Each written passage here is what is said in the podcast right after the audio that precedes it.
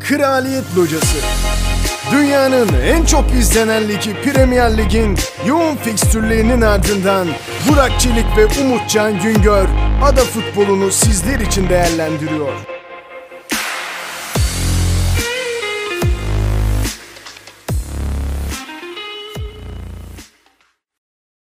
Kraliyet Locası'nda yerinizi aldıysanız Premier Lig'den 13. hafta maçlarını değerlendirmeye başlıyoruz.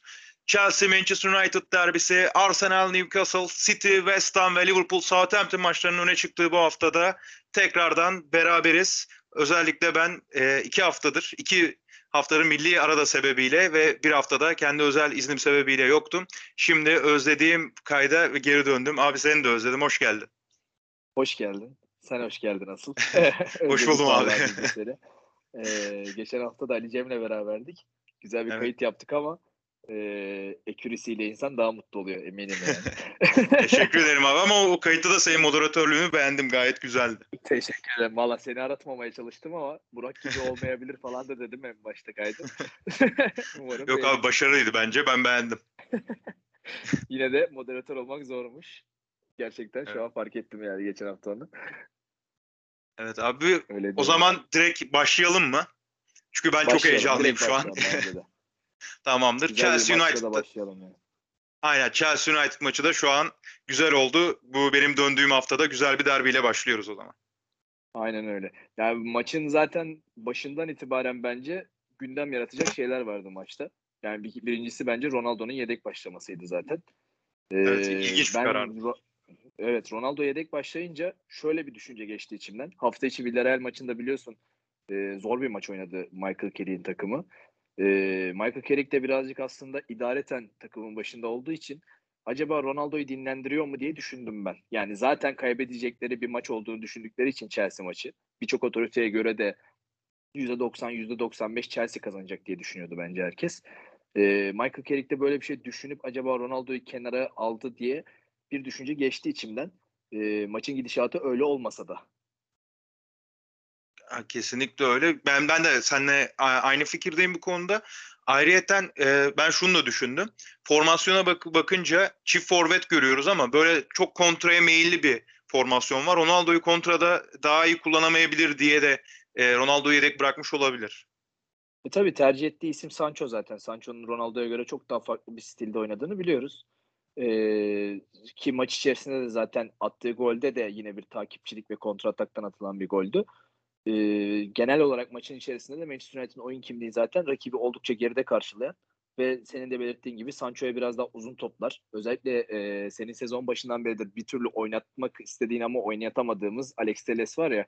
E, evet. Alex Telles'i de sahada görünce e, ben hani tam olarak o amaca hizmet etti. Yani soldan bir Alex Telles'in uzun topuyla Sancho'nun alan bulabileceği, e, aynı zamanda Bruno Fernandes'in atabileceği paslarda yine Sancho'nun alan bulabileceği bir taktiksel sistem düşündüklerini düşündüm. E, Chelsea %90 bu, bunlara izin vermedi maçın içerisinde. Çok iyi bir savunma anlayışı olduğu için ama yine de bulduğu fırsatı da gol yapmayı bildi Manchester United. Kesinlikle öyle. Zaten Chelsea orta sahada bir anda kalabalıklaşabilen bir takım. E, geriden de hani 3 defans var geride fakat bu 3 defans da çok iyi destekliyor orta sahayı ve kanatlardan da yine orta sahaya bir anda e, kalabalık yaratabiliyor Chelsea. Formasyonu ve oyun taktiği anlayışı, anlayışıyla. E, bu da aslında o bahsettiğin, senin bahsettiğin e, Sancho yaratmak istedikleri açıkları kapatmalarına sebep oldu Chelsea'nin. Konuda rahattılar fakat tek bir e, pozisyon oldu kapatamadıkları o da korner dönüşüydü. Ya korner dönüşü Jorginho birazcık Steven Gerrard'ın lige döndüğünü duydu herhalde. Steven Gerrard'ın lige döndüğünü duyunca da e, ona bir herhalde hoş geldin hediyesi böyle bir hatırlatma yapmak istedi. Yani ben açıkçası direkt Gerrard geldi aklıma o pozisyonda. Aynen benim de hani direkt hani Gerrard geldi. Benzer bir yani çok ciddi benzer bir pozisyon değildi hani şey olarak ama hani son adam topu kaybedişi böyle iki kişi gittiler falan. Bir de Aynen. Sancho da Dembaba gibi direkt vurdu kaleye. Hani hiç pas atmayı tercih etmedi. Böyle benzer Aynen. şekilde bir gol oldu. Neyse ki şampiyonluk maçı değildi ya da Chelsea şampiyonluğu kaybetmedi bu golle. Ee, öyle de bir Gerard'a hoş geldin diyelim biz de. Aynen öyle. Gerard zaten 2'de 2 ile geldi. Gerard da yani e, daha da sempatikleştirdi benim gözümde Aston Villa'da. O ayrı, ayrı bir konu tabii. E, tabii. Ee, yani onun dışında da sahanın içerisinde hani ben e, yani Rashford'la iyi bir uyum yakaladığını da düşünüyorum Sancho'nun bu anlamda. E, Mendy'ye de birkaç kez hani e, tehlike yarattılar kalede. E, bu anlamda hani Jadon Sancho'yu da kazandığını düşünüyorum ben Manchester United. Özellikle de Ralf Rangnick göreve gelmeden böyle bir maçta Sancho'nun da golle buluşması bence Manchester United adına büyük bir kazanç ayrıca. Kesinlikle öyle ve e, Sancho hafta içi de aslında genel bir performans artışı var. E, formu artışta yani Sancho'nun ve takıma daha iyi adapte olabilmiş gibi duruyor. Yani bence de zaten e, birazcık bence Soskayer'le yaşadıkları kişisel problemlerden dolayı da yedekte kalıyor gibi hissettim ben özellikle son haftalarda. E, çünkü ciddi derecede ivmelenen bir performansı var senin de belirttiğin gibi. Bu da genelde hani bizim e, birazcık da belki kendi ülkemizde de gördüğümüz performanslardan dolayı olabilir. Teknik direktör ayrılışlarından sonra ciddi derecede yükselen performansları genelde ben buna bağlıyorum. E, Sancho da çok yatırım yapılmış bir oyuncu. Hani Manchester United'ın da onu kazanması gerekiyordu. Belki Soskayer'i kaybederek onu kazandılar. Kesinlikle öyle ki Sancho uzun vadede daha büyük e, katkı sağlayacak birisiydi. Yani Solskjaer şu an gitmemiş olsaydı bile. O yüzden Ben daha de. olumlu oldu e, Manchester United adına. Ayrıca e, şunu da belirtmek istiyorum abi. United ceza sahası önünde Solskjaer son yani Solskjaer zamanına göre şu anda yani Chelsea maçında çok farklı bir oyun oynadı. Çok katı bir savunmayla karşıladı Chelsea. Ya çok katı bir savunmayla karşıladılar. Bence artık değişen isimlerin de etkisi olduğunu düşünüyorum ben sahanın içerisinde. Özellikle yani o üçlü orta saha tercihi e, zaten dörtlü savunmayı da dizdiği zaman arkaya yedili bir set halinde karşıladılar aslında Chelsea'yi savunmada. E, bir ara yani McTominay'i, e, Nemanja Matic'i bayağı stoperlerin arasında gördük e, sahanın içerisinde. E, Hudson Odoi'yu takip eden bir e, Fred görüyoruz sahanın içerisinde sürekli. E, aynı zamanda Bruno Fernandes de geriye kadar geldi Jorginho ile beraber. E, ciddi manada Chelsea'ye pozisyon verdiler aslında maçın içerisinde ama senin belirttiğin gibi o Manchester United'ın sezon başından beri anlattığımız foyalarını sahanın içerisinde hiç görmedik bence. Kesinlikle abi zaten özellikle şuna değiniyordum ben. Defans çizgisi inatla hangi maç olursa hangi takım olursa olsun en ileride tutuyordu Solskjaer. Bu maçta Kerek daha akıllıca davrandı. En azından hani bu maçı kurtaracak şekilde davrandı. Ve defans çizgisi gerideydi ve meyvesini topladılar. Yani bazı maçlarda bence zaten bu anlayışı yapması lazım. Yani Ra- Rangnick de geldi şimdi. Rangnick de yapması lazım. Ki yapacağından da eminim ben. Çok akıllı bir teknik direktör o da. Ee, yani neden söylüyorum bunu? Chelsea'nin Manchester United'dan şu anda daha iyi bir takım olduğunu herkes kabul eder. İsim bazında değil, oyun bazında söylüyorum bunu. Hani isim bazında kıyaslayabiliriz. Yani Ronaldo tabii ki de şu anda o, o günkü maçta oynayan Werner'den daha iyi bir futbolcu. Ama takım halinde baktığımız zaman Chelsea'de Werner daha çok iş yapıyor. Ya da Hakim Ziyech daha çok iş yapıyor. Hudson Odoi daha çok iş yapıyor. E, bunu da bildiğimiz zaman e, yani Chelsea'nin de kanat beklerden yaptığı gol katkısının da farkındayız. E, burada yani Chelsea'nin hücum gücü bir anda 7-8 kişiye çıkıyor sahanın içerisinde. Ya Antonio Rudiger bile en az ikişer üçer tane pozisyona giriyor maçlarda ki bu maçta da girdi. E, bunu da bildiği zaman e, bu şu inatçılığa gerek yok yani bence. Ben Manchester United'ım, ben daha ileride oynarım, ben savunmayı öne dizerim dersen yani Liverpool'dan 5 tane yersin. E, dönersin Manchester City'den 2 tane yersin evinde. Bu maçlarda pozisyon bile üretemezsin. Ondan sonra da kovulursun yani. Bu kadar basit bence. Aynen öyle abi. Yani çok mükemmel özetledim bence burayı. E, çünkü sezon başından beri ikimizin de değindiği nokta buydu. Ve e, şunu da şunu da söylemek istiyorum. Bu maçta eğer Werner'deydi hani Lukaku tamamen iyileşmiş, tamamen hazır durumda olsaydı yine bu maçı United yine kaybedecekti. Defans çizgisini geride tutmuş olmasına rağmen. Yani bunu şey ithafen söylüyorum. Hani oyun olarak şu anki oyun olarak Chelsea daha iyi takım dedik ya Manchester United'dan. Hani Tabii ki. United şu anda zaten Chelsea'ye hiçbir şekilde e, karşı en azından deplasmanda hiçbir şekilde önlem alabilecek bir takım değil şu anki e, formlar açısından. Ya Bu yüzden hani muhtemelen 10 tane haddini bilerek oynaması gerekiyordu United'ın. Kesinlikle. 10 tane maç yapsalar 9 tanesini kazanır yani Chelsea şu anda. Hani öyle Aynen bir öyle. şey var şu anda. Güç farkı var arada yani. Bunu da hani haddini bilerek oynamaktan kastım bu yani tamamen Manchester United için. Tabii tabii yani kesinlikle öyle. E, zaten Werner'in özellikle Manchester United'ın golünden hemen sonra bir pozisyonu var. Tam önüne düşüyor top ve tam ayağına oturacak bir noktada topu dağlara taşlara gönderiyor. Çok yani ben. Werner'in adına ben utandım yani. Böyle santrafor olmaz olsun demiştir Chelsea'liler de. Yani zaten sezon başından beridir biz seninle konuşuyoruz hani hiç verimli oynamadığını. Birazcık onu kazanmaya çalıştı Thomas Tuchel ama e, sanıyorum ki e, Pulisic de döndü artık. Ki Hudson Odoy'un da performansı bayağı bir yükseldi. Hakim Ziyech de artık ilk 11'de kullanmaya başladı. Timo Werner'e birazcık sıra gelmekte zorlanacak gibi düşünüyorum ben artık. Tüm sakatlar iyileştiğinde ki Kai Havertz de artık yavaş yavaş kesmeye başladı takımdan. Ee, sakatlıktan önce de yani Kai Havertz zaten 11'e girememeye başlamıştı. Hani o açıdan da Chelsea'nin e, hücum gücündeki Almanları birazcık sekteye uğramış durumda diye düşünüyorum ben. Lukaku da döndükten sonra Chelsea muhtemelen çok daha korkutucu bir hücum gücüyle oynamaya devam edecek bence. Kesinlikle öyle ki zaten Chelsea Lukaku'suz dönemi çok iyi atlattı. Bundan sonra Lukaku da olacak. Yani e, bu saatten sonra Chelsea durdurulamaz gözüküyor. En azından e, benim tahminim o şekilde. Yani Diğer bana yanda... da öyle geliyor çünkü şey olarak bir hani son bir şey de söyleyeyim. Fikstür olarak da Chelsea'nin fikstürü gerçekten rahat bir fikstür. Evet evet. Büyük maçların tamamını oynamış durumda şu anda. Ve hani en azından Ocak ayına kadar bir rahat bir dönem geçirecekler yani Christmas dönemini rahat geçirecekler gibi duruyor. O dönemde de lider girmek, puan farkıyla girmek çok büyük avantaj bence Chelsea için. Kesinlikle öyle ki arkadan hani Liverpool falan da çok tehlikeli bir şekilde geliyor. Ee, Chelsea'nin evet. bu kadar puan e, farkını elde etmiş olması onlar adına büyük avantaj. Diğer yandan hani United adına bence yine birkaç maçtır hatta çoğu maçtır olduğu gibi United adına en önemli şey De Gea'ydı bu maçta da. Hani e, De Gea'yı bu kadar müthiş bir formda yakalayıp takımın bu kadar kötü olması çok büyük şanssızlık.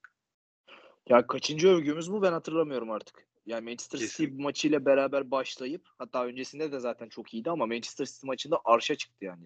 İki Aynen, gol yediği maçta biz övgüler dizdik o maçta.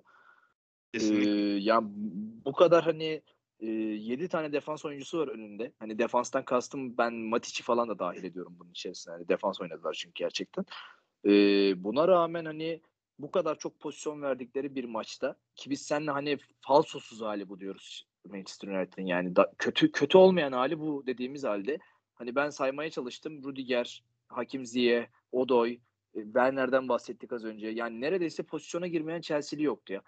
Hani böyle bir e, bir ara Edward Mendy bile girecekti neredeyse pozisyona hani e, eğer, eğer fırsatı olsa yani. O kadar geride karşıladı ki Manchester United. Ama De Gea buna rağmen özellikle Rudiger'in şutunda ben çok müthiş bir refleks verdiğini düşünüyorum. Orada yani o topu çıkarmak bence gözüktüğü kadar kolay değil. E, direkten dönen topundan bahsediyorum Rudiger'in uzaktan evet. şutundan. E, bayağı iyiydi bence. Buna rağmen Chelsea kazanacak pozisyonu bulabildi mi? 90 artı 6'da buldu aslında. Rudiger yerine orada atıyorum Lukaku olsaydı muhtemelen gol olurdu o pozisyon. Ee, ama De Gea en azından şunu hissettiriyor bize. O topu kurtarabilir miydi kaleye gelseydi? Belki de kurtarırdı diyebiliyoruz. Kesinlikle Aynen yani öyle. gol olurdu dediğim yanında böyle de bir parantez açtırıyor bize. Ee, De Gea gerçekten Manchester United için bu sene bulunmaz bir e, yani bulunmaz Hint kumaşı hakikaten yani. E, onu kaybetmek isteyeceğini hiç sanmıyorum Manchester United'in kadroda. Yani en vazgeçilmez adamı kim dersek De Gea deriz herhalde. Kesinlikle öyle ki yani e, Premier Ligi takip etmeyen birisi izleseydi şu maçı De Gea herhalde şu an prime döneminde falan diye düşünürdü ki gerçekten prime dönemine çok çok yakın bir performans sergiliyor. Tabii bize yani ben Alex Ferguson zamanından hatırlıyorum De Gerçekten Alex Ferguson zamanından esintiler veriyor bize yani o dönemi. Mourinho zamanında bir ara çok iyiydi. Ama hiç bu evet. kadar iyi olduğunu da ben uzun zamandır hatırlamıyorum ya. Ki şöyle yani DG'den artık yavaş yavaş ümit kesiliyor. Acaba Dean Anderson kesecek mi falan diye de konuştuk biz sezon başında. Tabii sezon başında biz dedik yani olmuyor yani zorlamanın da anlamı yok falan demiştik. Hani hakikaten bize biz biz dahil ben eminim yani birçok da İngiliz kanallarındaki yorumcular da böyle düşünüyordur ki bununla alakalı yazılar da okuyoruz. E, Henderson'ın milli takım kaleciliğini hak ettiğine kadar yorumlar gitmişti bir ara. Evet. E, herhalde bunlara şu anda tartışma bırakmadı, bırakmayacak bir performans gösteriyor. Ya özellikle son birkaç haftadır inanılmaz yükseldi performans. Kesinlikle öyle. Ee, bu Manchester United'ı bitirmeden daha önce abi istiyorsan bu tek direktör meselesini de biraz konuşalım. Ralf Ragnick hakkında ne düşünüyorsun onu merak ediyorum. Ya Rangnick bir kere zaten e, şu anda ligde bulunan bizim de çok övdüğümüz Thomas Tuchel ve e, Jurgen Klopp'un bir nevi hocası aslında. E, onların çok böyle gerçekten taktiksel anlamda övdüğü, çok örnek aldığını söylediği, direkt kendi birinci ağızdan da duyduğumuz bir teknik direktör. Biz de zaten Ralf Rangnick'in neler yaptığını biliyoruz. E, benim sadece çekincem şu, Ralf Rangnick çok yönetici rolüne de e, çalan bir teknik direktör. Yani dene, denemişliği var da zaten direktörlük görevini. E, o açıdan belki Manchester United'da uyum sürecinde e, kısa bir zamanda belki hedef beklememek lazım diye düşünüyorum. Tek kafamdaki düşünce bu oldu. E, sadece tek avantajı şu olur diye düşünüyorum. Özellikle baktım bu fikstüre. Ee, şimdi hafta içinde çarşamba günü Arsenal maçı var biliyorsun. Arsenal maçından Evet. sonra 5 Mart'a kadar e, 5 Mart'taki Manchester City maçına kadar e, bu Big Six dediğimiz 6 takımla yani 6 takımdan birisi zaten Manchester United 5 takımla e, herhangi bir karşılaşma yapmayacak. Yani bu Al- Ralf Rangnick için büyük bir şans bence. E, yani şunu en azından düzeltebilir diye düşünüyorum ben Rangnick için. E, United için biz e, kalan yani Big Six'teki kalan 5 takımla oynarken zorlanıyor zaten. Ama United'ın şu anda kronik problemi, Alex Ferguson'dan beri çözemediği problem bence bu beşli dışındaki takımlara da iş geçiremez durumda. Yani Manchester United bir Aston Villa ile oynarken, West Ham'la oynarken, e, ne bileyim Brighton'la oynarken, geçen sezon küme yani geçen sezon küme düşmeden önce işte e, Bournemouth'la oynarken vesaire hani bu takımlarla oynarken de çok zorlanan bir takımdı. E, bu kimliği bir türlü çözemedi. Yani David Moyes da yapamadı bunu, Van Gaal de yapamadı. E, Mourinho da yapamadı. En son Solskjaer zaten hiç yapamadı. Evinde 7 maç kaybetmeler vesaire falan. E, Rangnick'in o düşler tiyatrosunu tekrar korkunç bir yere çevirecek e, gücü bulabileceğini düşünüyorum ben açıkçası Manchester United'ın başında. Kesinlikle abi katılıyorum. Çok büyük bir avantaj. Ee, öndeki şu an Arsenal maçı dışında böyle rahat bir fikstürün olması ve e, tam bir e, rejenerasyon aslında yaşama fırsatı. Kadro olarak değil fakat taktik açısından. Hani e, istediği taktiği kendisinden daha düşük kalitedeki takımlara karşı deneyip o şekilde hani en uygun taktiği oturtma fırsatı var aslında önünde. O açıdan çok şanslı. Ee, şunu yalnız ben çok merak ediyorum. 6 aylık süreç için anlaşıyorlar Ralf Ragnick'le. Daha sonrasında e, futbol direktörü olarak devam edecek anlaşmaya göre. En azından Twitter'da falan bizim gördüğümüz açıklamalar bu şekilde ya da haber kanallarında. Daha sonrasında bir teknik yeni bir tek direktör daha gelecek. Ya Yani ben bu işte oyun- o yüzden aslında birazcık şey yaptım. Yani direktörle çalan bir teknik direktörlük yapısı var demek kastım oydu. Hani Hı hı. gittiği yerlerde genelde e, görevi teknik direktörlük olarak başladığı yerlerde de sonradan direktörle dönen bir e, nasıl diyeyim spor insanı. Yani futbol adamı. E, burada da hani birazcık aklı acaba takımı sahanın içerisinde yönetmekten ziyade biraz daha takım yönetmeye dönerse belki sahanın içerisindeki o kontrolü kaybedebilir bir süre sonra diye bir korkum çekincem var. Manchester United'ın hani acil müdahalesi tabii ki yapılanma da olmalı bence ama e, birazcık sanki biz sezon başı da en azından konuştuğumuzda kadro kalitesi açısından Manchester United'ı yetersiz bulmadık yani biz. Yani biz şöyle demedik Evet, ya evet. burada bir akıl eksik. Ya burada yanlış transferler yapılıyor vesaire falan diye konuşmadık. Yani sadece orta saha transferi yapılması gerekiyor dedik. Orayı göremediler. Ama hani kimse de şunu dememiştir herhalde Rafael Varane transfer edildiğinde ya daha iyi bir stoper alınabilirdi ne gerek var falan dememiştir diye tahmin ediyorum. Ya da Ronaldo geldiğinde. Ee, o yüzden de hani Manchester United'ın bir direktöre mi ihtiyacı var? Ki zaten Alex Ferguson bence yeterince direktörlük yapıyor Manchester United'da. Aynen aynen. Ee, hani ikinci bir direktöre ihtiyacı var mı emin değilim. O anlaşmanın da birazcık ben sanki teknik adam olarak devam edecek gibi geliyor bana. Açıklanan o yönde şu anda. Ama birazcık bence hem medya gazını alabilmek için hem de olası bir başarısızlıkta da Ralf Rangnick'i çok fazla böyle gündemde tutmamak, yeni bir teknik adama yönelip Manchester United'ın o imajını zedelememek adına böyle bir şey yaptıklarını düşünüyorum ben. Ee, birazcık bu böyle 2009'daki Chelsea'nin Gus modeline benzetiyorum ben. Yani çok ümit ümit vaat etmeden bir şeyler başarabilir miyim acaba düşüncesiyle getirdikleri bir teknik adam yani. Kesinlikle yani ya kendi e, am, e, karları için yani kendi amaçları için böyle bir şey izliyorlar ya da e, gerçekten şu an bir çaresizliğe düştüler. Hem tek direktör olarak kalalım hem ileride futbol direktörü olarak değerlendiririz diye de e, bir çaresizliğe düşmüş olabilir ki bunu hani Türkiye'den örnek vermek gerekirse Dursun Özbek zamanında Galatasaray Lucescu ile denemeye çalıştı. Lucescu kabul etmemişti. Tabii ki yani direkten dönmüştü Galatasaray o zaman hatırlarsan. Evet. Ee, yani bence çok da iyi oldu. Hani o, o da kişisel bir şey olarak olmaması.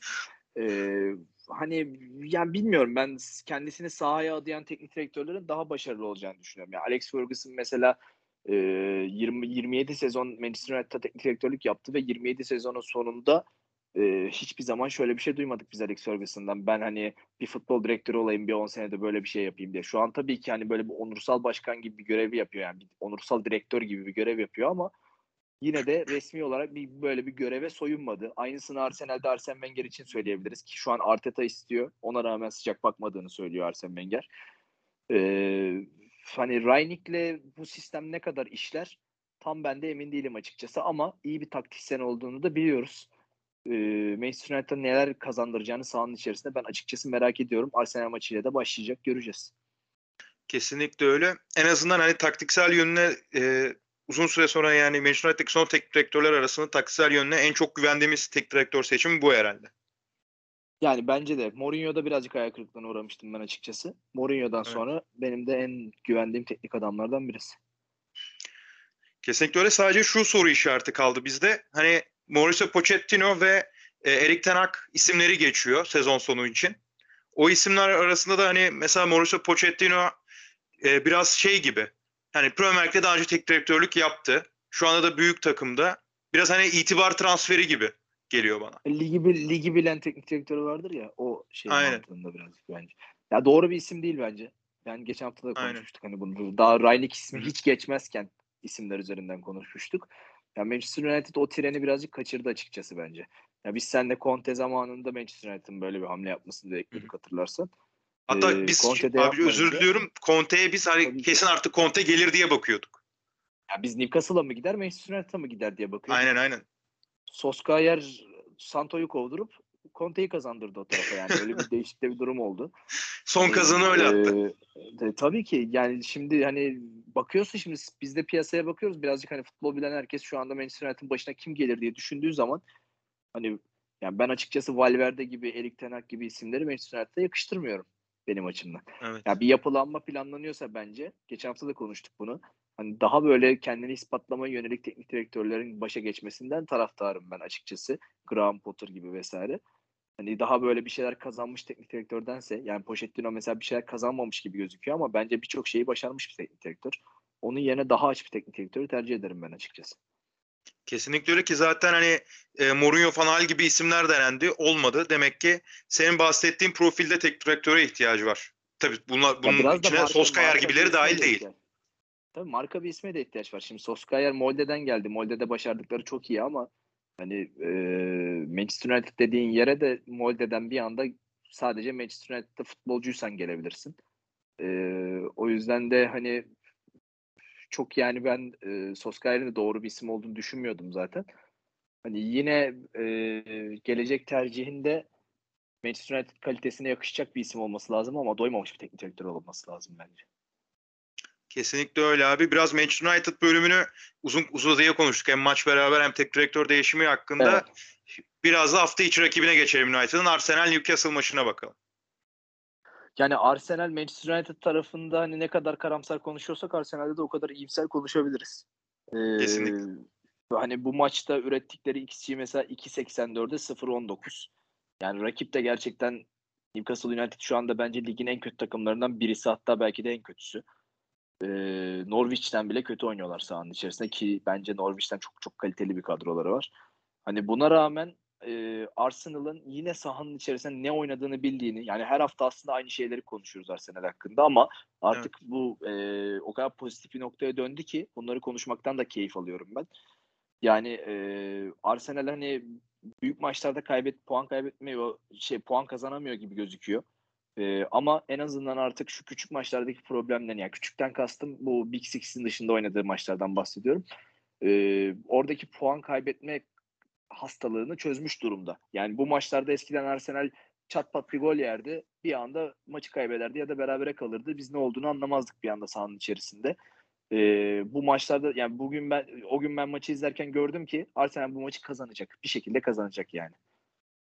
Kesinlikle öyle abi. Bir de e, Arsenal şimdi saha içinde baktığında izlediğinde oyuncular da birbirleriyle o kadar hani e, yardım etmeye çalışıyor her anlamda. Bir, bir oyuncu mesela baskı yediğinde hemen peşine gidiyorlar. O oyuncuyu takip edip topu kazanmasına ya da topu kendilerine tutmasına e, olanak sağlıyorlar falan. Saha içinde böyle enerjik ve dinamik bir takım görmek de hani özellikle sezon başına nazaran Arsenal'de maçı izledikten sonra insan tadına çok hoş bir tat bırakıyor. Yani çok güzel bir tatlı yemişim gibi hissettiriyor bana Arsenal'i izlemek. Öyle bir zevk veriyor. Yani Arsenal'in sezon başından bu zamana bu şekilde bir evrim geçirmesi ki bence bu bir evrim. Yani e, ligin seyir zevki açısından çok güzel oldu. Ve hani biz mesela Manchester United'ı çok övüyorduk sezon başında kadro yapılanması açısından özellikle. Manchester United'ın da çok çok üstüne çıktılar şu anda oyun açısından. İnşallah da böyle devam eder. Sadece bence Arsenal'de şu an defansif açıdan hala bir tık hani e, birkaç eksikler var. Orayı da çözebilirlerse belki de bir transfer yine lazım gibi hissediyorum ben oraya. Ya defansif açıdan zaman zaman kopuk oynuyorlar bence sahanın içerisinde. Bir anda oyundan kopabiliyor oyuncular kişisel olarak yani böyle bir takım halinde problem yok senin belirttiğin gibi. Yani Partey'in hatasını Lokonga kapatıyor, Gabriel'in hatasını White kapatıyor. Hani böyle bir e, takım oyunu gerçekten var sahanın içerisinde ama o hani hata yapmıyorlar diyemiyoruz sahanın içerisinde. Yani çok kopuk kopuk oynadıkları dönemler var. Ee, yani çok çok fazla Ramsdale'e iş düşüyor sahanın içerisinde. Ramsdale gerçekten çok üst düzey, üst düzey bir performans gösteriyor.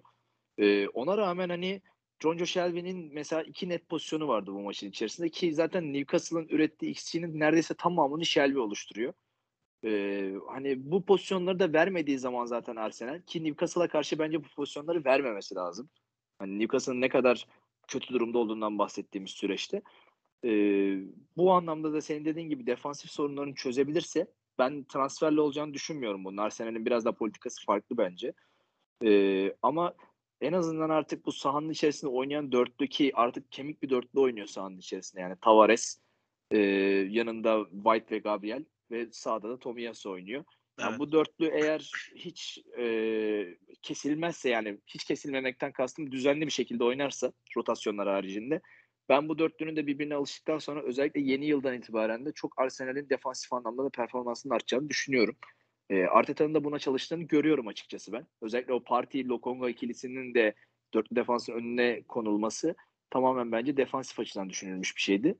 E, ekstra olarak ofansif performans da çok iyi veriyor onlarda. O da ayrı bir parantez. Kesinlikle öyle abi. Bir de hani şuna da değinmek lazım. Beklerin hani bekler özelinde konuşursak çok özel performanslar gösteriyor. Özellikle Nuno Tavares, Tomiyasu hani e, ben hiç bu iki oyuncudan bu kadar bu seviyede en azından hani bir oyun beklemiyordum. Oyun kalitesi bir performans beklemiyordum kendi adıma. Fakat beni çok şaşırttılar ve takımla uyumları da e, çok iyi. Takım oyununda da, da takım oyununda da e, çok önemli katkıları oluyor ki golde de gördük Tomiyasu'nun yaptığı asiste. Tabii yani Tomiyasu geldiğinde ben açıkçası üçlü stoper oynuyordu o zaman Arsenal. Üçlü stoperin sağ stoperi olarak düşünmüştüm. Yani öyle düşünülerek alınmıştır demiştim. Ee, ama senin de belirttiğin gibi bence harika bir sağ performansı veriyor. Ee, Tavares de zaten bir wonderkid transferi hani Tavares tam böyle hani futbol menajer tabiriyle söylersek. Evet. E, yani sahanın içerisinde ne yaptığını çok iyi bilen bir oyuncu bence ve bize hani Arsenal'ın geçen sezonki en iyi oyuncusu kim diye sorsalar muhtemelen Kieran Tierney der herkes. E, Kieran Tierney'i de hiç aratmıyor bize açıkçası. E, en azından Arsenal'liler bence bu transferden çok mutlulardır. E, Arsenal savunması da hani yani transfer ihtiyaç yok dememin sebebi de oydu. 3 zaten yeni isim var aslında sahanın içerisinde. Ramsdale'ı da sayarsak hatta 4 yeni isim var sahanın içerisinde. Onlardan da çok iyi performans alması ayrıca Arteta'nın bence başarısını gösterir. Kesinlikle öyle abi. Bir de e, şunu da eklemek lazım. Saka tamam geçen sezon zaten parladı Saka. Hani biz en azından hani geçen sezon keşfettik falan Saka'yı ama bu, bu sezon da sanki farklı bir transfermiş, farklı bir oyuncuymuş gibi oyununu ikiye katladı. Yani şöyle bir not almışım ben kendim hani maçı izlerken zaten dikkat etmiştim. 51. dakikada Saka'yı sağ kanattan içeri girerken gör, gördüm diye not almışım hani böyle. Ee, 56. dakikada da soldan içeri girip gol gol pozisyonuna yani golü buluyor. Hani e, Saka'yı sahanın içerisinde hem sağda görüyoruz hem solda görüyoruz. Hani ben e, maça sahada başladığında şey düşünüyordum. E, Southgate onu milli takımda sol sol sol e, kanat bek oynatıyor. E, hani diyordum ki yani adamda da her meziyet var. Kanat bek oynayabiliyor, sağ açık oynayabiliyor, sağ hani kanat oynayabiliyor direkt. E, sağ forvete koysan sağ forvette de oynar bence. E, bu anlamda gerçekten çok yetenekli bir oyuncu. E, Arsenal'in de bence son yıllarda elde ettiği en önemli oyunculardan birisi. Senin de hani belirttiğin gibi parlıyor bence sahanın içerisinde adeta. Arsenal'in de bence bu maçı kazanmasındaki en büyük etkenlerden birisi de oydu ki kilidi açan isim zaten oydu. Ee, yani Ar- Arteta zaten golden sonra onu çıkardı. Ee, hani şeyi soktu oyuna Martinelli'yi soktu. Evet. Ee, sakatlandı birazcık orada. Bence birazcık bence Manchester United maçında düşündü. Ee, sakatlığın hani böyle bir sakatlanma evet. durumu da olunca e, çıkarma sebeplerinden birisi de bence oydu. Ee, o açıdan da hani Saka'nın da aslında Arsenal için ne derece önem gösterdiğini bence Arteta da bize gösteriyor aslında. Kesinlikle öyle. Yani e, attığı gol de çok güzeldi Saka'nın. ve sahada hani mesela Aubameyang gibi bir isim olmasına rağmen takımda en önemli oyuncusu Saka dedirttiriyor yani. E, Arsenal taraftarlarına en azından bunu kesin dedirttiriyordur bence. Öte Net yandan Martinelli aynen. Martinelli de oyuna girdi ve o da çok iyi bir performans gösterdi. Hatta çok da şık bir gol attı ki bana göre haftanın golüne aday. Ya çok iyi bir pasa, çok iyi bir şut. Yani gerçekten harika vurdu topa bence. Ee, ya Martinelli zaten çok potansiyelli geldi Brezilya'dan e, Arsenal'a. Biliyorsun bu Arsenal'ın Evet. e, Wonderkid transferlerinden birisiydi aslında bu Arsene Wenger zamanında çok gördüğümüz. e, genç adı sanı bilinmeyen oyuncuların bir anda Arsenal'de parladığını çok iyi biliyoruz. Ya Martinelli bunu birazcık ilk sezonlarında başaramadı. Geçen sezon kiralık gitmişti. Kiralıktan döndükten sonra da ben performansını merak ediyordum açıkçası. Ama bence e, bu maçta yeterince iyi bir performans gösterdi. E, yeterli mi? Bence yeterli değil. Yani Newcastle United karşısında yaptığı yaptıkları çok iyi ama Newcastle United karşısında yaptı. E, bunu birazcık ben açıkçası hani tabii ki diyeceksin ki iki günde hemen ne, ne değişim bekliyorsun?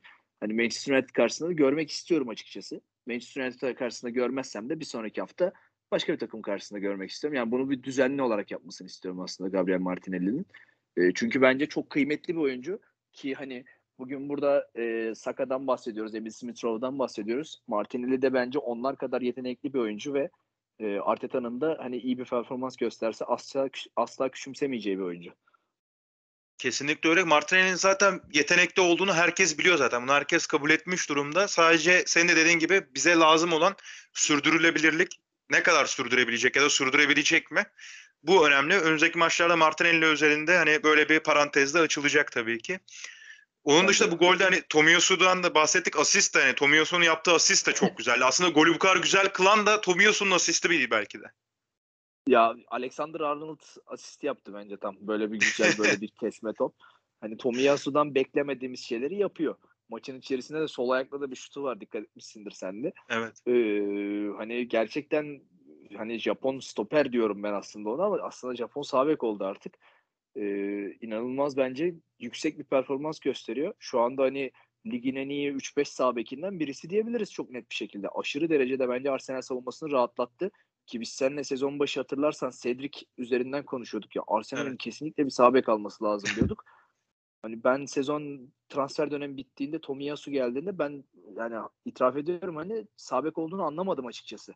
Yani sağ oynadığını biliyorum ama sağ olarak alınmadı diye düşünüyordum ben e, ve çok ekstra bir sağ performansı gösteriyor. Hiç benim beklemediğim kadar iyi.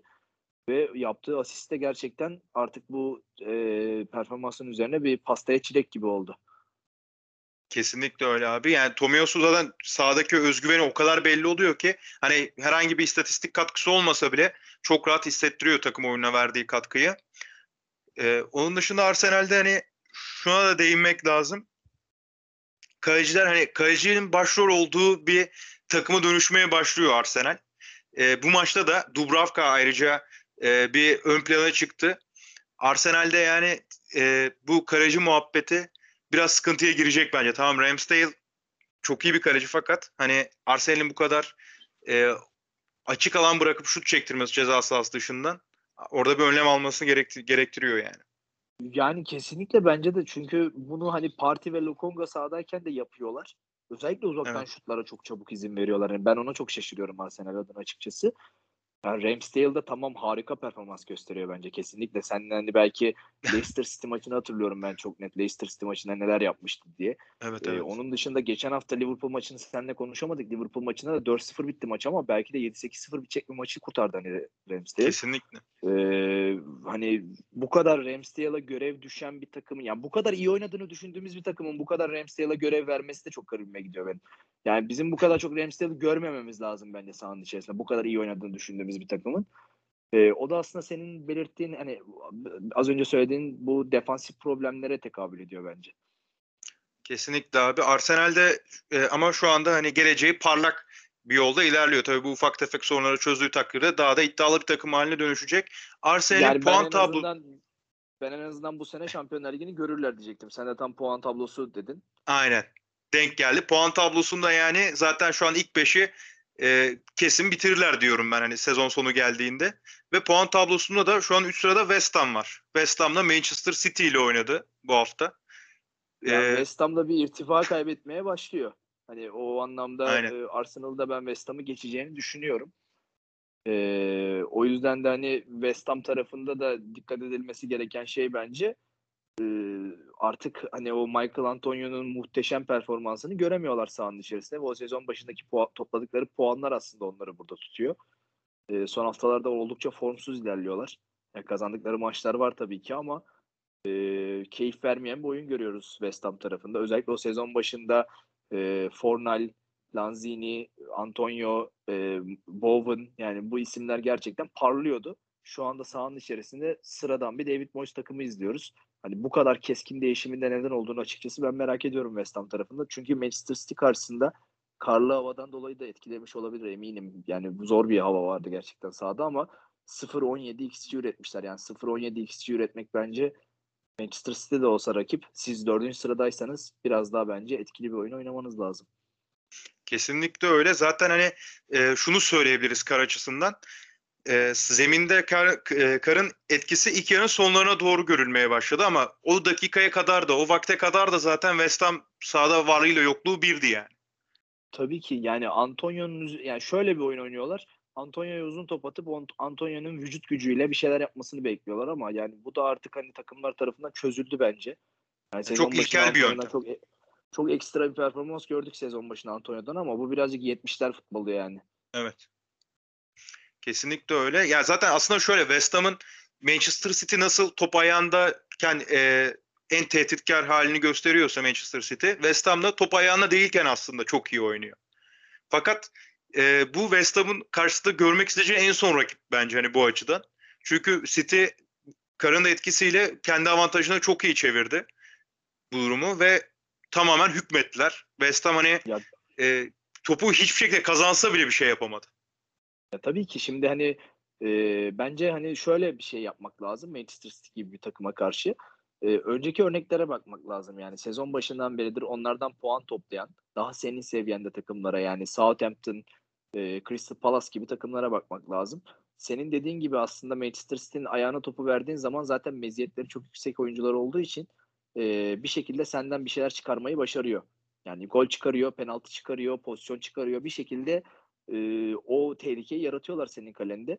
Hani rakibi bozmak gerekiyordu. Mes- West Ham bozmak yerine beklemeyi tercih etti. E, beklemeyi de tercih edersen bir de zaten e, seni de zor şartlar altına sokacak bir hava durumu da olduğunda e, kaçınılmaz bir şekilde mağlubiyete doğru gitti zaten sonuçta. Kesinlikle öyle. Hani bu oyun e, kar yağmadan olsaydı eğer zaten farka da giderdi bana göre. Bence de zaten onun sinyallerini de veriyordu açıkçası. Sadece gol, golü bulamamışlardı. En son İlkay'la da zaten kar bastırmadan bir hani böyle bastırır gibi olurken de golü buldular zaten. Ee, ki sonrasında da hiç irtifa kaybetmedi Manchester City. Yani göz gözü görmezken bile 2-3 tane pozisyonu var. Kesinlikle yani gol bulunmamasının sebeplerinden birisinde şunu söyleyebiliriz. Hani Ferran Torres, Grealish, De Bruyne ve Foden yani dört tane net isim sakatlığı sebebiyle ya da hastalığı sebebiyle yoktu maçta. Tabii yani bir de Raheem Sterling falan da yeni yeni dönmeye başladı artık. Riyad, Riyad Mahrez de yeni 11'e girdi hani. Ee, bu isimler de hani daha yeni yeni form tutmaya başladığı için zor bir hava koşulunda da oynamak gerçekten zor. Ee, kondisyonsuz kendi kendi bu kadar hani. Ee, buna rağmen hani senin de belirttiğin gibi ikinci yarıdaki o temiz zemini ilk yarıda da görseydik eğer o özellikle son 15 dakikalık kısımda bence Manchester City kilidi daha erken açar ve çok daha rahat bir maç çıkarırdı diye tahmin ediyorum. Kesinlikle öyle ama Manchester City e, şu anda ne kadar şampiyonluk adayı olsa da bir Liverpool Chelsea kadar e, net bir şampiyonluk adayı diyemeyiz bence. Çünkü Liverpool e, kendisinden kat ve kat daha kalitesiz takımlara karşı hep farklı skorlar alıyor. Yani bu anlamda hani Manchester City tabii ki küçümsemek doğru olmayabilir hani şey anlamda. Yani Liverpool ve e, Chelsea'nin korkutucu oyunundan ziyade Manchester City'nin biraz daha skora giden bir oyun olduğunu düşünüyorum ben. Bu da yani e, iyi oynamadan iyi oynamak gerekmez şampiyonluk için derler ya. Manchester. City'nin birazcık öyle bir oyun oynadığını düşünüyorum ben. Özellikle Guardiola son sezonlarında biraz daha o e, oyun mantalitesini sahada görmek yerine biraz daha kazanma odaklı bir e, yol izliyor. Özellikle bence o Şampiyonlar Ligi'ndeki başarısız yani sezonlar da bence artık Guardiola'nın oyun anlayışını birazcık etkiledi.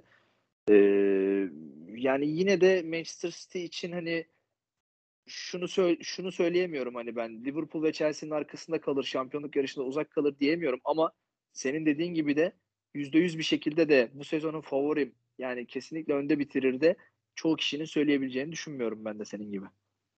Kesinlikle öyle ki ben hani Manchester City geçen sezon şampiyon oldu ama geçen sezon da öyle olduğunu düşünmüyorum. Sadece şansları hani e, Chelsea, Liverpool gibi takımların çok e, çok çok çok kötü oyun oynamasıydı yani. E tabii bir de yani geçen sezon da aynı şekilde oynadılar aslında. Hep sonuca gittiler. Evet. Yani iyi oynamadıkları maçları da kazandılar. Bir şekilde kazanmayı bildiler. 1-0 kazandılar birçok maçı. Ee, birçok maçı belki son saniye golleriyle kazandılar. Ama hani e, Guardiola'nın birazcık artık Manchester City'de de uzun zaman geçirdiği için e, kazanma üzerine oynaması birazcık artık bizde o eski Manchester City ya da eski Guardiola havası gelmiyor yani. Onu da hissediyoruz biz sahanın içerisinde. Kesinlikle öyle ki bence hani benim tahminim bence Guardiola yani e, Zidane artık sıkıldı. Biraz sadece Şampiyonlar Ligi inadı var. Yani bana da öyle geliyor. Uzun zamandır da Şampiyonlar Ligi'ni kazanamayınca ki 11-12 sene oldu yani Şampiyonlar Ligi'ni kazanamayalı. Ee, artık oraya doğru bir şeyi var. Hırsı var bence de. Sahanın içinde de gözüküyor zaten bu. Ee, yani yapmaya çalıştığı transferler de zaten artık nokta transferler yani artık öyle bir direkt hedefe bir transfer yapmaya çalışıyor ki ben Ocak orta Ocak ayında da transfer döneminde bir forvet transferi yapacaklarını düşünüyorum kesinlikle yıldız bir forvet transferi. Ondan sonra da direkt hedeflerinin bence Şampiyonlar Ligi olduğunu düşünüyorum ben de. Kesinlikle öyle ki zaten hani Guardiola biraz e, takım başarısı, başarısındansa kendi başarısını daha önemseyen bir teknik direktör. O yüzden Bence direkt de. Şampiyonlar Ligi odaklı bir e, Manchester City izleyebiliriz sezonun kalan kısmında. Diğer tarafta Liverpool'sa e, daha çok lige odaklandı bu sezon. Geçen sezonu telafi etmek için. Yani Liverpool aslında her yere odaklı diyebiliriz ya. Yani katılır mısın bana bilmiyorum ama ben hafta içindeki Porto maçını da izledim. Muhammed Salah oyundan çıkmak istemedi gol atmadan. Ee, ki garantilediler yani hiçbir şekilde birinciliği bile kaybetme ihtimalleri yokken Muhammed Salah'ın bu kadar çok oynamak istemesi, Sadio Mane'nin sahada kalmak istemesi, e, bu maça yine ilk 11 çıkmaları hafta içi Everton maçı olmasına rağmen hani Liverpool'un bu sezon başından beridir konuştuğumuz oyuna saygı anlayışı inanılmaz etkiliyor beni. Ee, yani makine gibi işliyorlar. Yorulmak bilmeyen bir kemik kadro diyorum ben onlar için.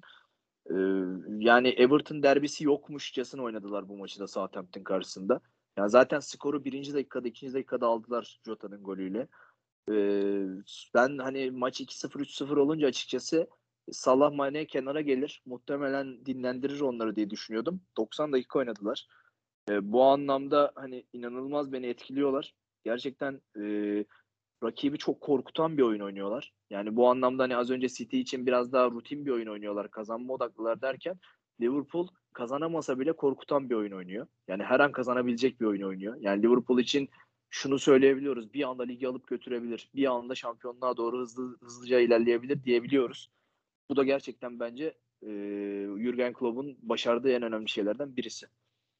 Kesinlikle öyle ki bütün bu saydıklarını söylediklerini rotasyon sıkıntısına rağmen yapıyor Liverpool. Yani hiçbir oyuncu ya sakatlanırsam ya kondisyon sıkıntısı yaşarsam falan düşüncesine girmeden sadece o maç sanki final maçıymış gibi hareket edip ve sanki sezon sonunu oynuyormuş, sezonun son 3-4 haftasını oynuyormuş gibi e, bu mental yapıda oynuyorlar maçları. Bu yüzden skora zaten bunun etkisini görüyoruz.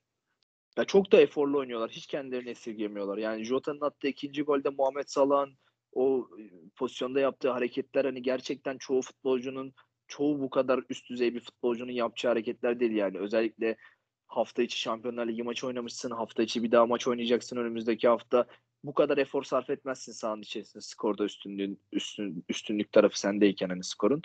Ee, yani bu şey buradan bu açıdan baktığın zaman dünyanın en iyi futbolcusu da zaten sendeyken e, ki bence Salah şu anda dünyanın gerçekten net şekilde en iyi futbolcusu. E, yani Ballon d'Or her ne kadar Messi'ye verilse de e, birazcık artık hani ödülde anlamını yitirdi diye düşünüyorum ben o anlamda. Kesinlikle. E, yani Salah da zaten sendeyken Mane gibi bir öldürücü bitiricilik de varken sende ki Jota da artık bence e, çok üst düzey bir santrafora evrildi artık bu Manchester United kad- şey Liverpool kadrosunda. E, bu anlamda da senin de dediğin gibi yani bu rotasyon yapılabilir miydi? Kesinlikle yapılabilirdi. Biz seninle hani Oriji'den de bahsettik, Minamino'dan da bahsettik sahanın içerisinde. Ama futbolcuların bu kadar özverilirken açıkçası ben de onları sahadan çekmek istemem. Yani futbolcu da bazen tepki verecek. Yani çünkü Porto maçında sahadan çıkarmak istedi Salah. Böyle bir işaret yaptı Salah. Ben canlı izlerken gördüm. Salah çıkmak istemedi. Yani ben gol atmadan evet, evet. çıkmayacağım dedi ve 5 dakika sonra gol atıp şimdi çıkarabilirsin dedi kulübe dönüp ve kulüp çıkardı onu oyundan. Kesinlikle öyle abi. Aslında Liverpool'u şöyle özetleyebilir miyiz? Bilmiyorum katılır mısın bana? Ee, güç tasarrufu modu olmayan bir akıllı telefon gibiler. Aynen öyle ama aynı zamanda da güç tasarrufu da yapıyorlar. İsteseler 7-8 tane atarlar bence her maç. yani öyle de bir şeyleri var böyle hani çok böyle az yakan araba gibiler yani. İnanılmaz gerçekten inanılmaz. Yani Liverpool sıfırdan sıfırdan yüze çıkan dizel arabalar olur ya böyle az yakar ama iyi çıkar. Yani az yakıyor ama iyi çıkıyor gerçekten. İnanılmaz bir takım oldu Liverpool yani ki e, bunu daha önce de söylemiştik. Bu oyuncuların artık e, bir daha prime dönemindeki gibi performans göstereceğini düşünmüyoruz falan diyorduk. Salah şu an dünyanın en iyi oyuncusu diyoruz. E, tabii ki yani bir de doymuyorlar. Gerçekten doymuyorlar. Doymayan futbolcu kadar önemli bir şey yok bence sahanın içerisinde. Kesinlikle öyle. Bir de şuna değinelim Liverpool'da. Thiago Alcantara hani sonunda e, daha kaliteli isim anlamında daha kaliteli bir orta saha izledik Liverpool'da. Genç yeteneklerden ziyade ya da rotasyon oyuncularından ziyade. Thiago Alcantara'nın performansı da bence iyiydi bu maçta. Barcelona haberleri çıktığından beridir çok iyi oynuyor. Birazcık sanki oraya doğru mu şey yapıyor kendine diye bir düşünce geldi açıkçası bana.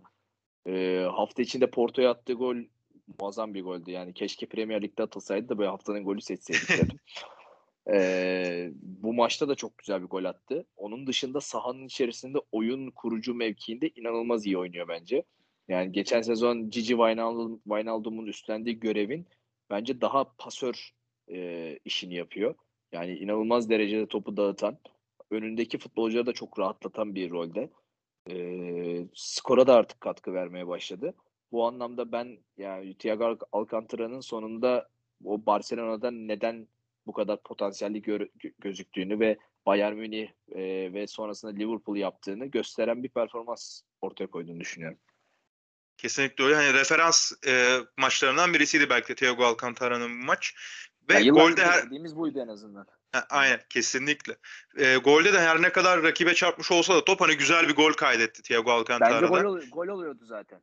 Yani aynen aynen. Top, top yine köşeye gidiyordu hani öyle çok e, gerçekten kaleciyi kontrpide bırakan bir top oldu ama e, böyle arka kameradan özellikle gösterdiklerinde top yine gole gidiyormuş. Yani zaten o yüzden ben hakkını verdim yani. Tamam bu zaten gol oluyormuş rakibe çarptı oldu dedim. Kesinlikle öyle. Yani belki de hani rakibe çarptığı için şu an belki de haftanın golü seçmeyeceğiz yani. En azından ben kendi adıma söyleyeyim. Hani belki de o yüzden haftanın golü seçmeyeceğim ben Thiago Alcantara'yı.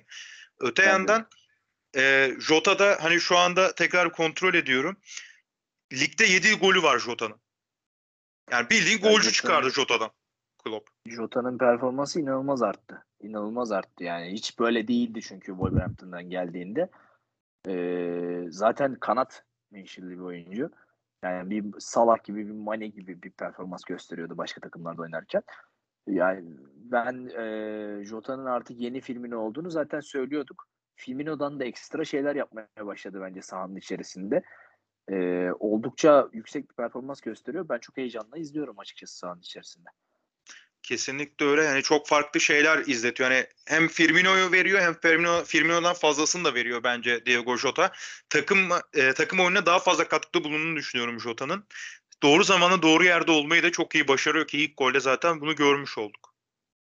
Yani çoğunlukla doğru yerde. Genelde attığı goller zaten çok basit gözüküyor bize fark ettiyse. Evet. Yani o basit yerde durmak da bence çok büyük bir meziyet zaten. Ee, olabildiğince yani bunu çok doğru yapan bir isim. Ki hani e, Muhammed Salah'ın 8 asisti var şu anda. Ki bu 8 asistin birçoğu da yani şu an şey yapmadım ama e, hani kaç tanesi onundur diye bakmadım ama e, birçoğu da Jota'ya diyebiliyorum. Ki, Ki muhtemelen öyledir. Zaten. Muhtemelen öyle. Öyleydi zaten. Aynen ve hani e, şunu da son kez bir söyleyeyim tekrardan hani Jota ligde 7 golü var. 13 maç oynandı ligde fakat hani oynamadığı maçlar var Jota'nın. Hani 13 maçın 13'ünde oynayıp 7 gol değil yani. 10 maçta ilk 11 sadece yani 12 maç oynamış 10 maçta ilk 11. Yani gerçekten e, çok değerli bir istatistik bence ki Jota'dan böyle bir istatistiği Klopp bile belki beklemiyordu satın alırken. Ya zaten Liverpool'un hani hücum gücünün ne kadar yüksek seviyede olduğunu şuradan da anlayabiliriz. Hani gol krallığının ilk 4 sırasında 3 tane Liverpool'lu var şu anda. Ve toplam gol sayısı 25. Yani çok muazzam bir istatistik bence bu. Kesinlikle, kesinlikle öyle. Yani tıkır tıkır işleyen bir sistem var şu anda.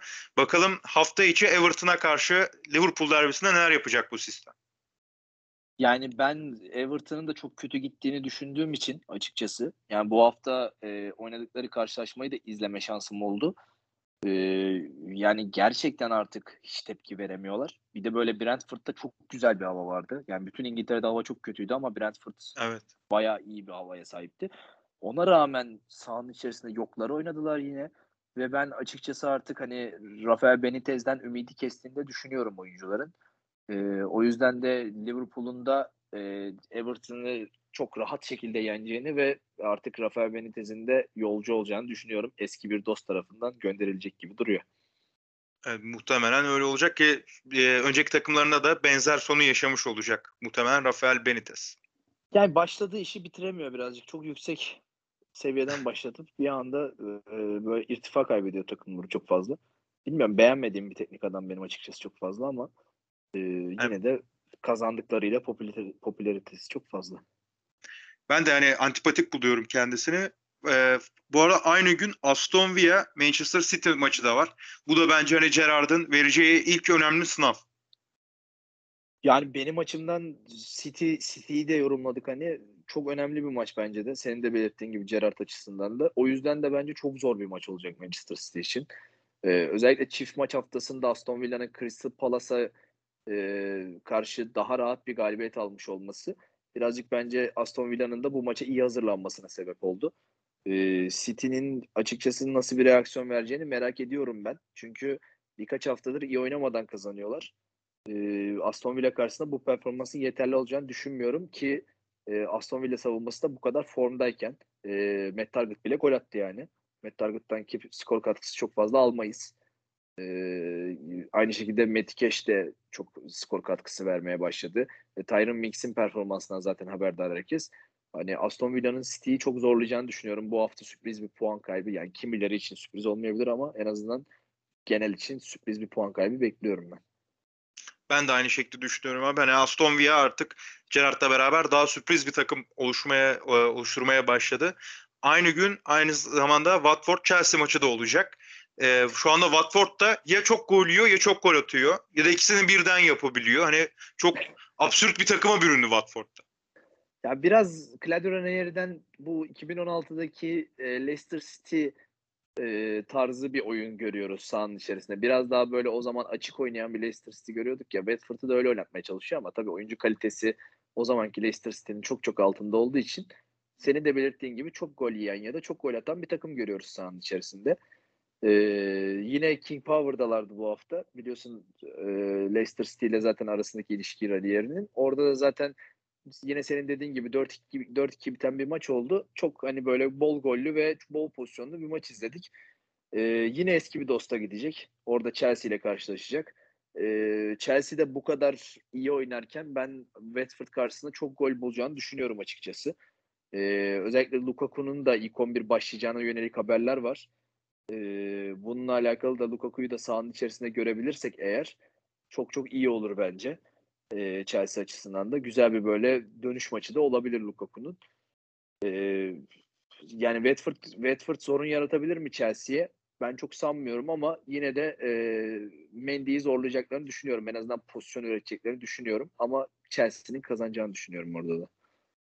Kesinlikle yani Chelsea ne olursa olsun e, boş herhangi bir maçı ben boş geçeceğini düşünmüyorum yani. Her maçı 3 puan garanti gibi geliyor bana. Chelsea şu an oyun durumu Liverpool'la beraber iki takımın o şekilde yani. Ya bir kanat ee, bekten gol gol bek gol katkısı alırız muhtemelen. evet evet o kanat aynen kanat bek artı Lukaku hani oradan bir go, gol katkısı gelmesi lazım. Ben de bekliyorum. Klasik bir Chelsea'de. Evet, bu arada Tottenham'da hafta hafta sonu oynayamadılar. Ertelendi maçları hava durumu sebebiyle. Brentford'la oynayacaklar. Aslında hafta içinin takımlar arasında en şanslı takım Tottenham.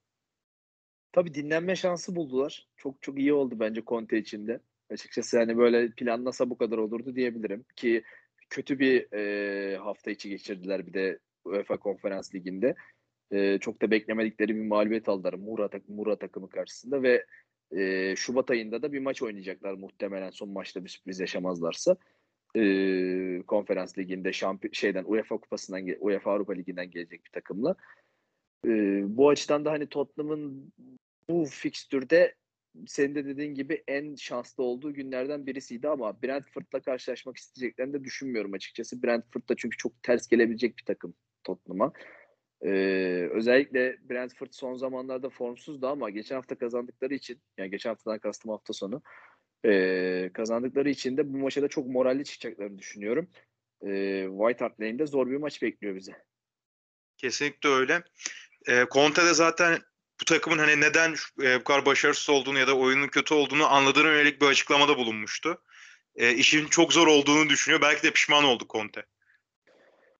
Yani biz seninle zaten 3-4 net transfer ister diye konuşmuştuk. Ya bir de takımın içinde çözülemeyen problemler var. Harry Kane falan yani hiç kafası takımda değil. Yani gerçek evet. manada çok kötü bir performans gösteriyor. Ee, yani Hoybinson'la ilerlemeye çalışan bir takım görüyoruz sahanın içerisinde. O da yani bir yere kadar sprint atabiliyor, bir yere kadar dribbling yapabiliyor. Yani e, Tottenham'ın da acilen bence bu krizi çözmesi gerekiyor. Ama Antonio Conte de çok inatçı bir teknik direktör. Ben üstüne gideceğini düşünüyorum. Hatta gerekirse bence Harry Kane'den vazgeçebileceğini de düşünüyorum. Daha önce yapmışlığı var yani bu tip yıldız oyunculardan vazgeçmek gibi. Ee, bu noktada hani Antonio Conte'nin de açıkçası nasıl bir performans göstereceğini merak ediyorum ben. Kesinlikle öyle. Ee, bu haftanın en merak edilen maçlarından birisi olacak. Ve bence en merak edileni ise Manchester United Arsenal maçı olacak. Yani Arsenal için bence gerçekten çok ciddi bir sınav. Yani tamam Liverpool karşısında bir şey beklemiyoruz Arsenal'den ama artık ben Manchester United karşısında Arsenal'den bir şeyler bekliyorum. Özellikle haftalardır gösterdiği iyi performansı sonuçlandırsın istiyorum burada.